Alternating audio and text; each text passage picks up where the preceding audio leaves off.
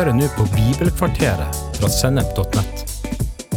Bibelkvarteret er én kvarters påfyll i hverdagen fra Guds ord, både til inspirasjon og introduksjon til viktige temaer i Bibelen. Du vil også finne mer stoff på Sennep.nett som gir deg inspirasjon til å følge Jesus i hverdagen. Følg oss på Facebook og Instagram, og abonner på våre podkaster i Spotify, iTunes, Google Podkast, YouTube eller i den podkastappen som du bruker. Har du prøvd å faste noen gang? Jeg vet at mange kristne kunne tenkt seg å prøve, men usikkerhet og frykt for sultfølelse og slapphet setter gjerne en stopper for det. Jeg var 30 år gammel første gang jeg bestemte meg for å faste, og da følte jeg meg veldig usikker. Kunne det virkelig være mulig å gå flere dager uten å spise? Vil ikke dager uten fast føde svekke meg og gjøre meg sårbar for sykdommer?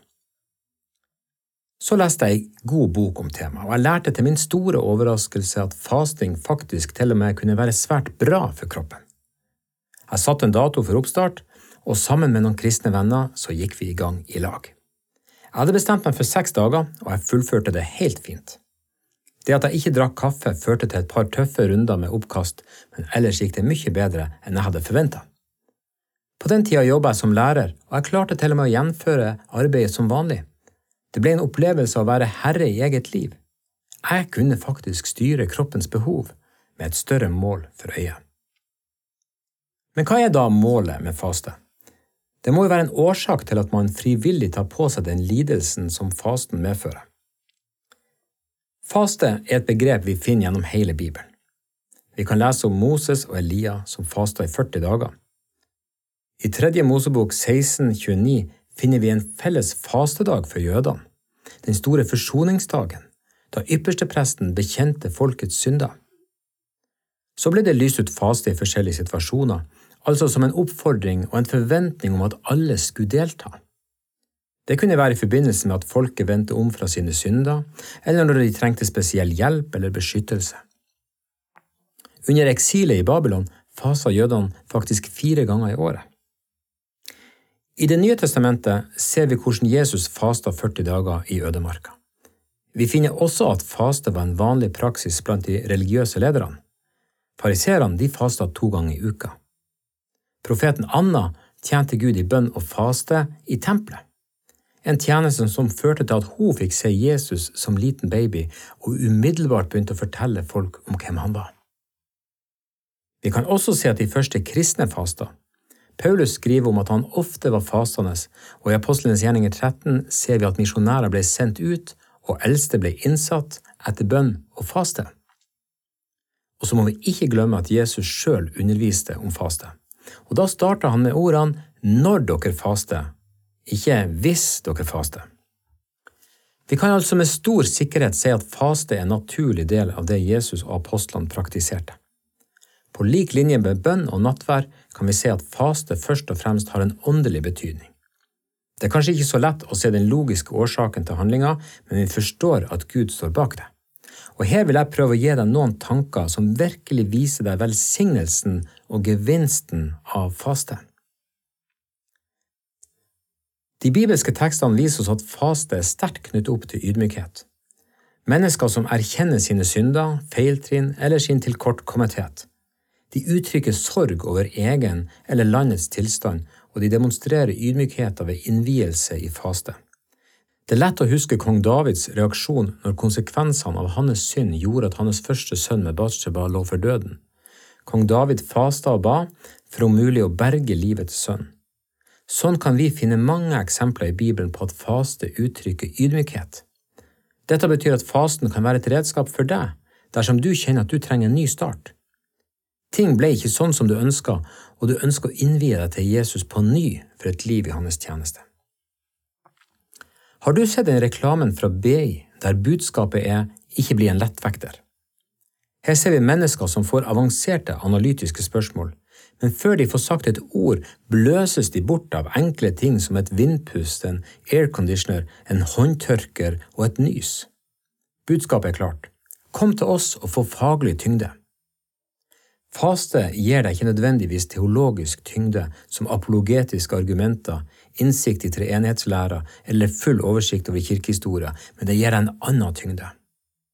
Tyngden av intimitet, tyngden av Guds nærvær, tyngden av Guds kraft, en tyngde som kun kan vinnes ved den forsakelsen og personlige innvielsen for Gud som en faste innebærer. En tyngde som på ingen måte er lettkjøpt. Det koster virkelig, men gevinsten er så utrolig mye større. Disiplene følte seg nok som noen lettvektere da de kom til Jesus med den månesyke gutten, en demonplaga gutt som verken kunne snakke eller høre. Faren hadde ført han til disiplene, men de kunne ikke drive demonen ut. Etter at Jesus satte gutten fri, kom disiplene til Jesus og spurte hvorfor ikke de hadde klart det.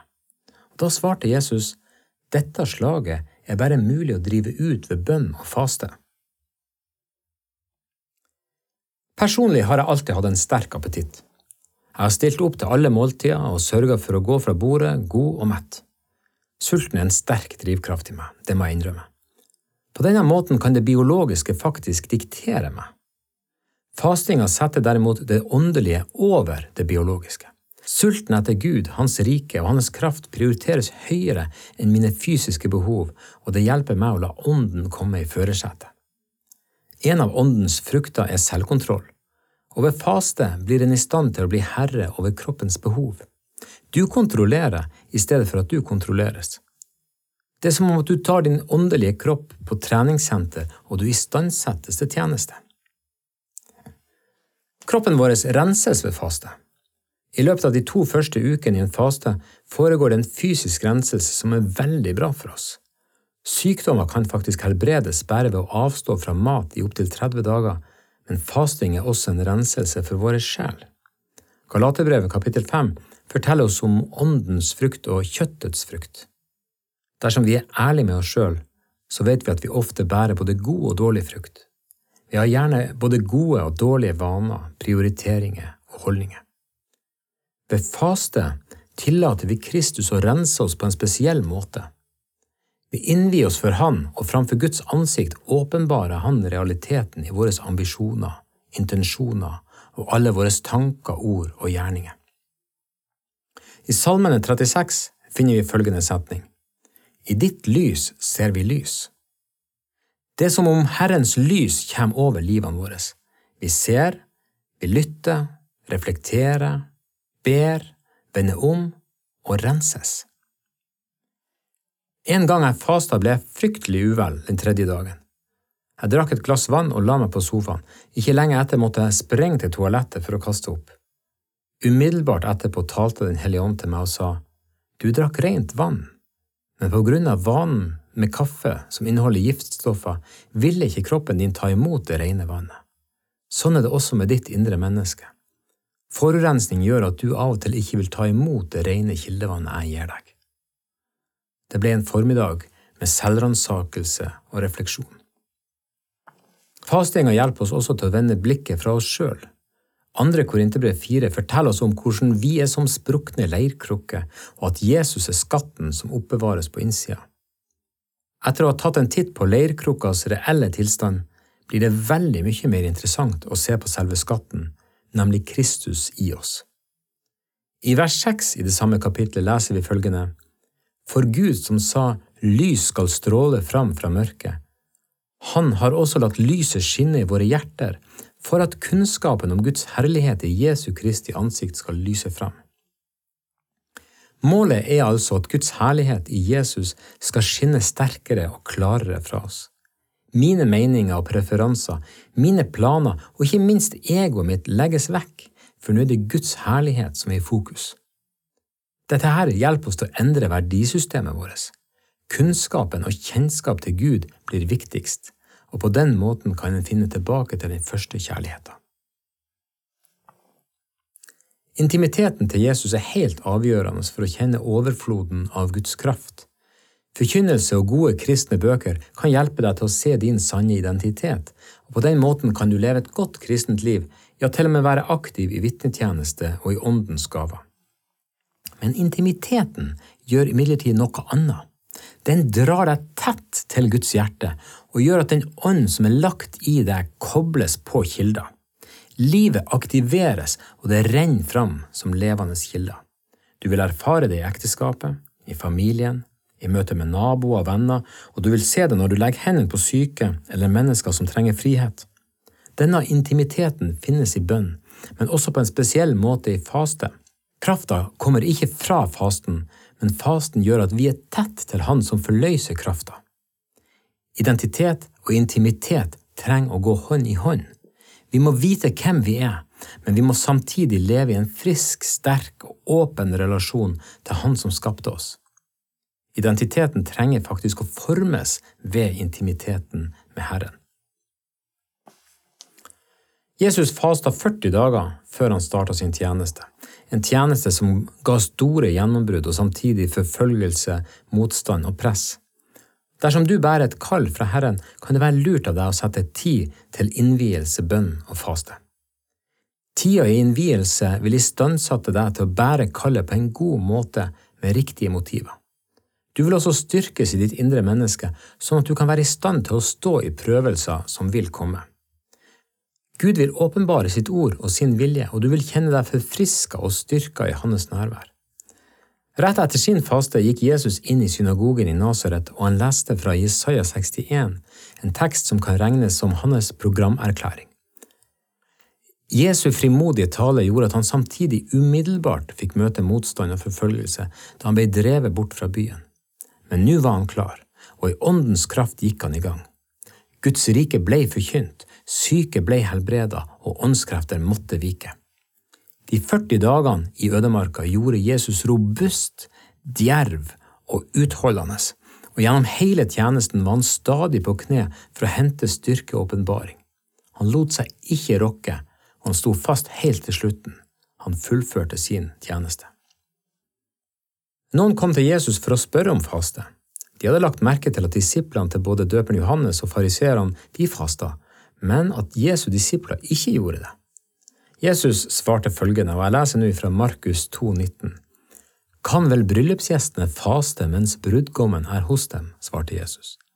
Så lenge de har brudgommen hos seg, kan de ikke faste, men det skal komme en tid da brudgommen blir tatt fra dem, og på den dagen skal de faste. Etter Jesu himmelfart finner vi at disiplene ved flere anledninger fasta. Brudgommen kommer tilbake, men enda er vi i ei ventetid. Faste er å vente på Herren. Bibelen har fantastiske løfter til den som venter på Herren. I Isaiah 40, 31 leser vi, Men de som venter på Herren, får ny kraft. De løfter vingene som ørn. De løper og blir ikke slitne. De går og blir ikke trette. Faste kan forfriske oss og gi oss nye krefter til å fullføre tjenesten mens vi venter på at brudgommen skal komme tilbake. I første Mosebok 25 leser vi om brødrene Esau og Jakob.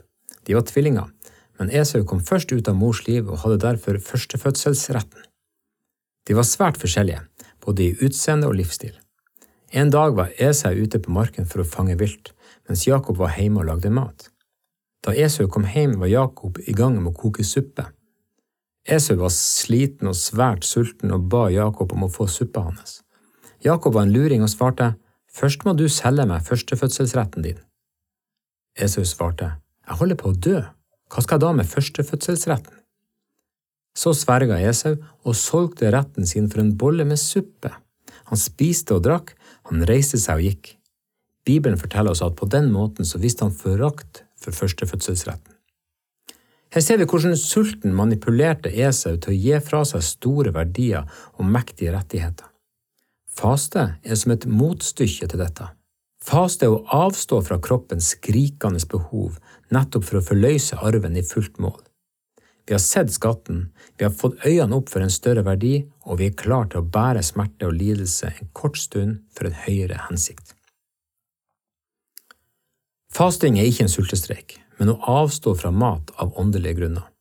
Fasting er å foretrekke velsignelsen framfor suppebollen, det evige framfor det midlertidige det åndelige framfor det fysiske og det usynlige framfor det synlige. Fasting er ikke å forandre Gud, men å la Han forandre oss. Fasting er å vente på Herren og la Hans ånd løfte oss på Hans timing og i hans retning.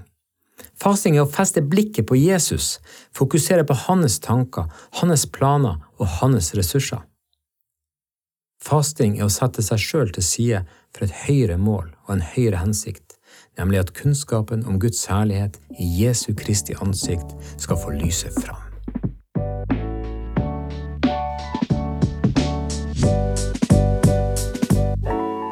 Du har hørt en episode fra Bibelkvarteret på sennep.nett. Du vil også finne mer stoff på sennep.nett som gir deg inspirasjon til å følge Jesus i hverdagen.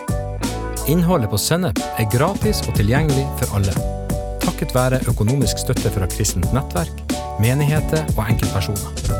Du kan også hjelpe oss ved å be for oss at vi skal forkynne ordet med frimodighet, ved å dele innholdet vårt med venner og bekjente, ved å rate podkastene våre på iTunes eller i podkastappen som du bruker, eller ved å gi en engangsgave på VIPS, VIPS nummer 54 66 68. Takk for at du lytter til sennep.nett.